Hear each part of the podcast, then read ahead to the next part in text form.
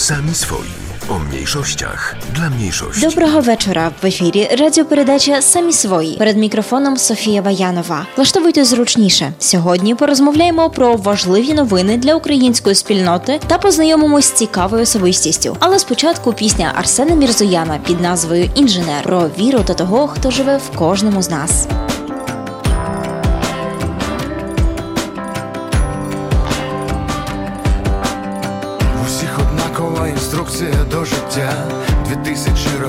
Правила ніхто не міняв. Дві тисячі років ці хреслення трактують всі. Дві тисячі років залежності від гаманців. Всі пам'ятають, що відряджений був спеціаліст, щоб пояснити, як працює цей механізм. Переказати, що саме мав на увазі головний інженер. І що тепер? Тепер висить на грудях. Тепер його малюють.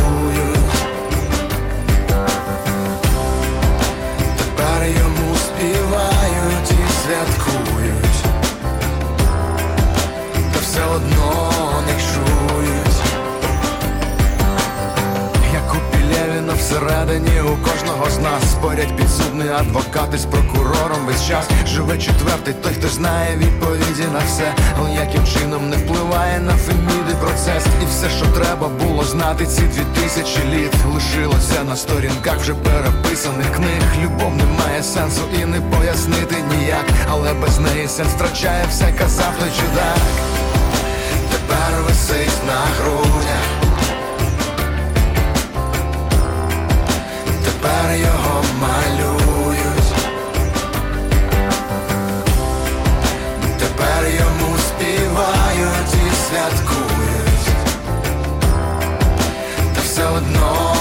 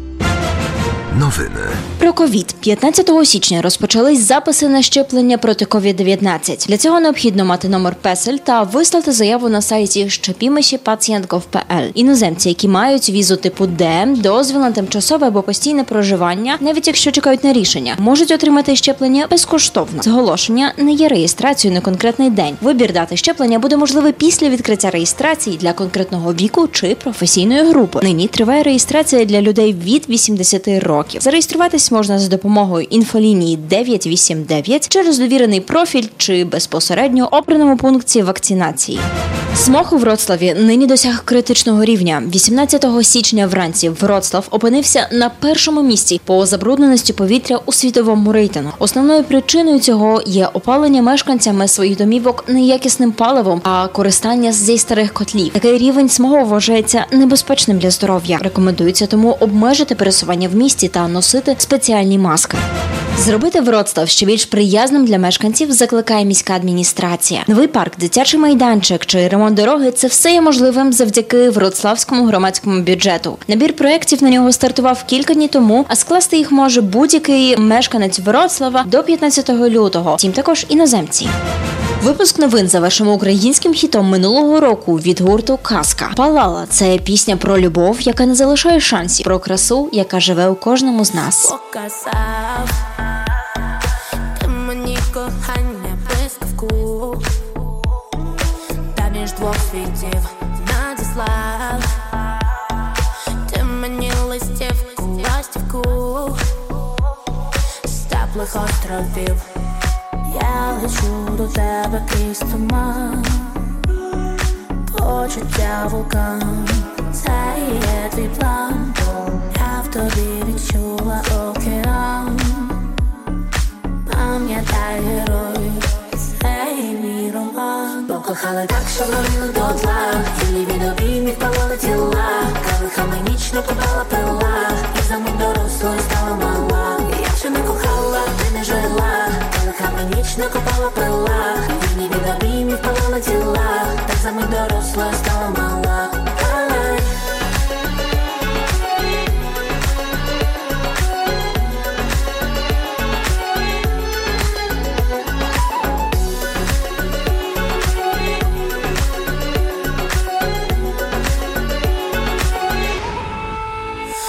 вивчав. Кожен рух та кожну битівку Вірив і довів, цілував. Плечі крізь червону вишивку та й не червонів, тільки я баряна, як тюльпан. Почуття вулкан, це є твій план. Я в тобі Пам'ятай герою, це мій роман. Покохали так, що горіли до повели ніч нападала пила. За мить дорослою стала мала. Я ще не кохала, ти не жила. Калихами ніч не копала пила. Вільні від обіймів палали тіла. Так за мить дорослою стала мала.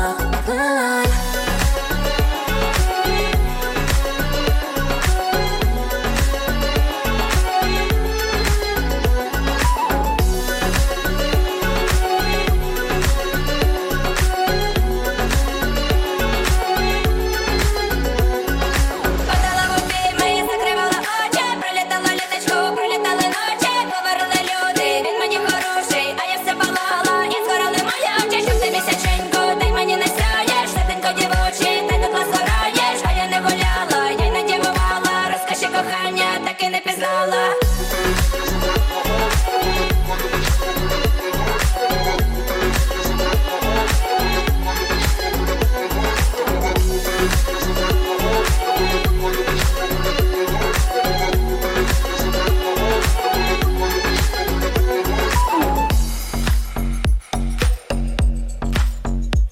19 січня українці святкують водохреща, третє і завершувальне велике свято різдвяно-новорічного циклу, який проходить з 7 по 19 січня. Про значення цього свята розповідає отець Євгеній Сухий з Врославського катедрального собору Воздвиження Чесного Христа. Е, Сьогодні святкуємо Йорданські свята, Богоявлення Господнє. Цьому празднику згадуємо подію, коли Христос приходить хреститися в ріці Йордані, приходить прийняти хрещення від Івана, великого пророка і предтечі Господнього, котрий проповідував покаяння в ізраїльському народі, проповідував приготовлення дороги Господньому. З сьогоднішнього свята розпочинається, можна сказати, привселюдна вже публічна діяльність Господа нашого Ісуса Христа, котрий іде проповідувати добру новину. Іван згадуємо сьогодні цю подію надзвичайно урочисто в наших церквах відбуваються богослужіння, після котрих освячуємо воду. Традиційно у нас в Вроцлаві освячення води було пов'язане з переходом над ріку Одру. Освячували також воду не тільки в посудинах, але також і біжучу цю воду. Ці води цей день є освят з тим кліматом, який маємо в Вроцлаві. Рідко коли в Вроцлаві були замерзлі ці води, ополонки, але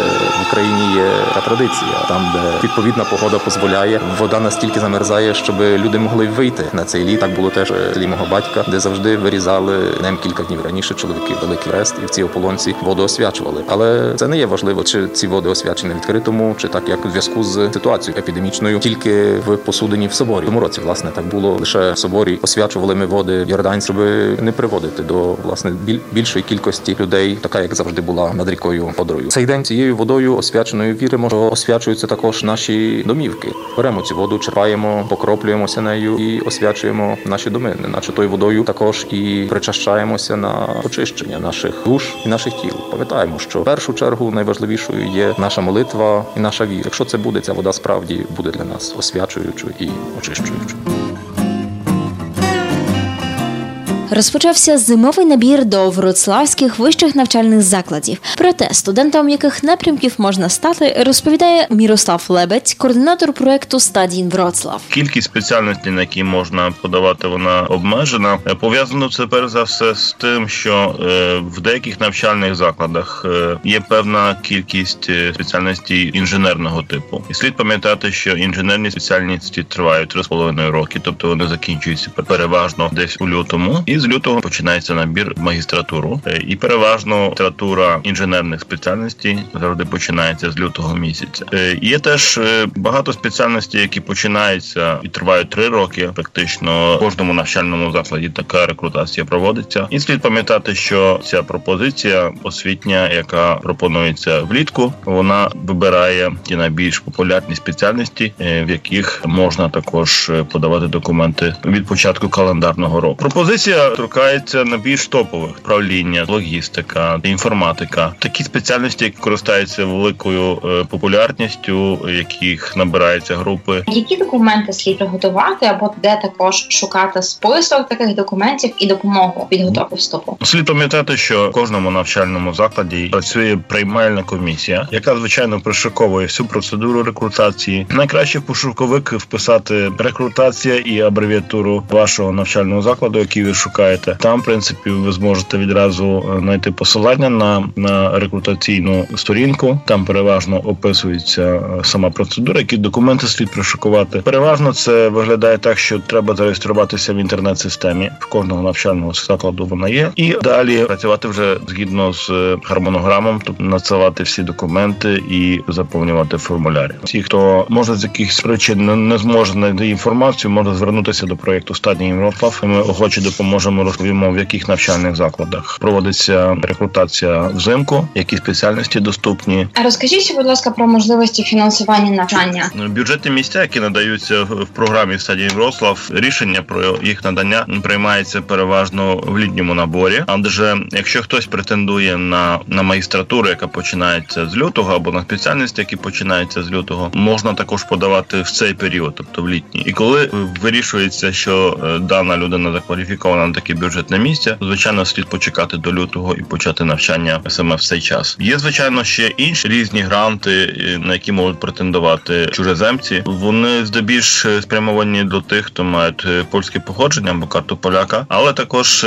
є і фонд Банаха, є також Вишеградська стипендія, є безліч грантів, які використовуються індивідуально вже в структурі самого навчального закладу. Можна також цікавитися про ректорські стипендії. Вони переважно е, стосуються тих, хто осягає хороші е, успіхи в навчанні. Тобто на початку треба проявити себе як хороший студент, отримати гарні оцінки, мати середній бал, і тоді можна претендувати на стипендію. Вже після музичної паузи ми завітаємо за куліси культурного життя у Вроцлаві. Послухаємо драйвовий саундтрек авантюрної української комедії «11 дітей зморшена від Сергія Бабкіна.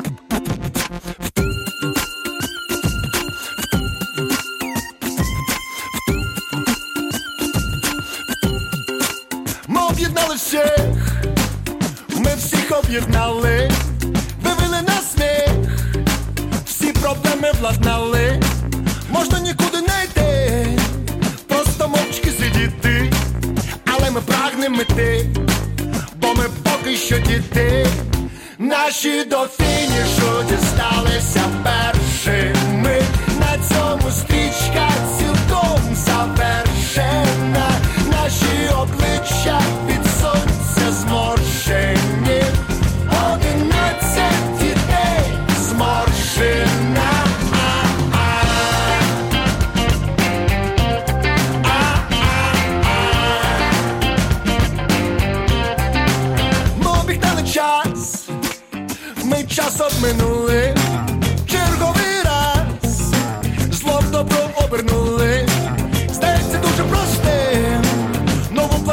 відкрити, і кожен день рости, кожну годину цінити, наші до фінішу дісталися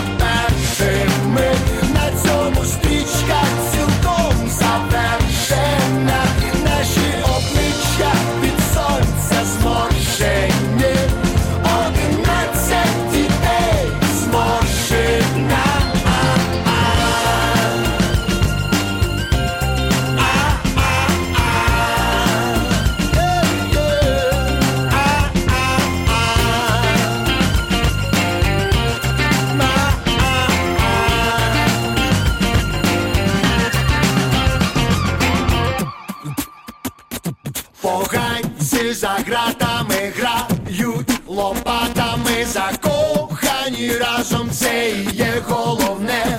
З нульовими витратами поруч з приматами. Втиснемо педаль газу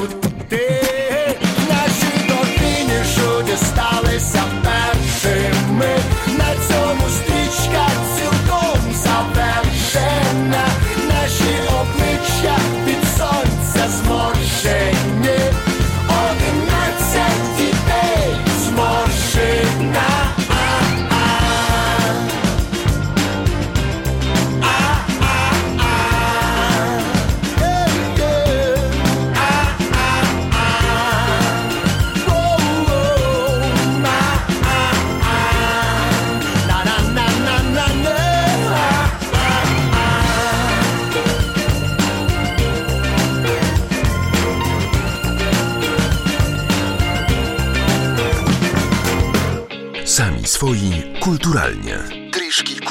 Український культурний простір так називається група на Фейсбуку, яку створила культурна активістка Євгенія Тернавська. Ми познайомимось ближче з Євгенією та дізнаємось, які культурні заходи відбуваються у Вроцлаві для українців. Е, Я сама з Берестечка з Волинської області приїхала до Вроцлава років 10 приблизно назад, тому що після п'яти років я вже перестала рахувати, скільки тут знаходжуся. Приїхала на навчання, але так е, повернулася доля, що мене закинуло геть в іншу сторону. Зараз працюю не за професією, але мені подобається. Навчалася я на програміста, хоча все, життя любила читати. Як мене закинуло взагалі в культурне життя? Власне, мені його не вистачало. Не вистачало, коли я сюди приїхала. Не вистачало цих квартирників львівських. Я дуже хотіла навчатись Львові, власне, через е, атмосферу українських виступів, українських презентацій, розмов письменниками, українських книг. І ось в 16-му році, 16-16 рік, був для мене неначе ковток свіжого повітря, так сказати. А саме місяць Львова у Вроцлаві в рамках е, проекту Європейська столиця культури. Там я познайомилася з людьми, які зі мною на одній хвилі. Там я відкрила для себе нову сучасну українську культуру і літературу вживу. Побачила людей, які зараз створюють культуру України.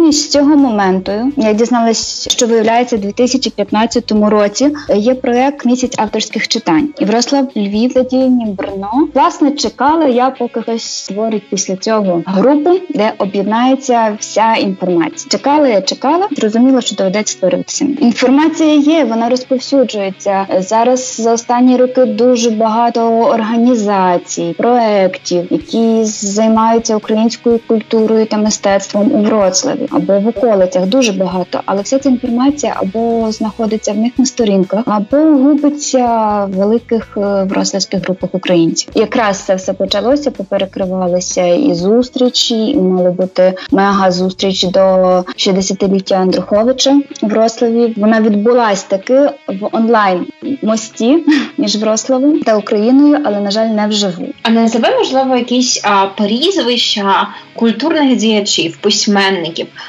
котрі живуть власне у Вроцлаві і є українськими мігрантами чи можливо меншиною. З прізвищ це можна назвати Ярославу Литвин, якої виходить книга зараз. Також е, передпродаж вирушила її чоловіка Андрія, який також е, отримав нагороду в грудні минулого року.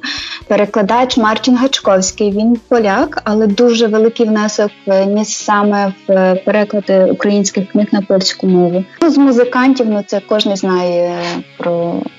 групу Вимираючі види.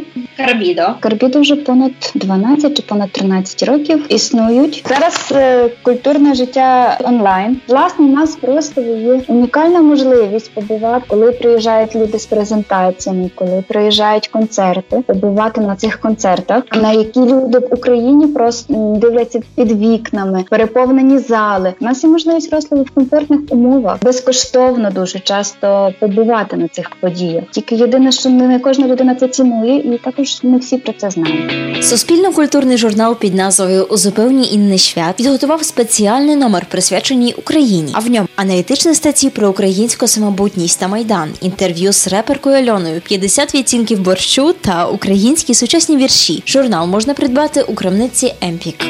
Попри карантинні обмеження, у Вроцлаві та околицях є кілька цікавих культурних пропозицій. Одна з них це парк ілюмінацій подорож у світ фантазій в замку Топач. Він розташований в місті Шлянця на вулиці Кувна 12. Доїхати можна під міським автобусом або машиною. На відвідувачів чекають мільйони світових точок, атмосферна музика та головоломки для дітей. Відвідати парк можна до 8 березня. Крапку в нашому випуску поставимо життєствердною піснею Десь не тут від гурту Оторваль. Навколо цілий світ шукай, знайди свою мету. Співають вони. Саме такими побажаннями для наших слухачів хочу завершити передачу. З вами була Софія Ваянова у радіопередачі Самі свої. Залишайтесь в курсі новин. До зустрічі в наступну середу. Гарного вечора на добраніч.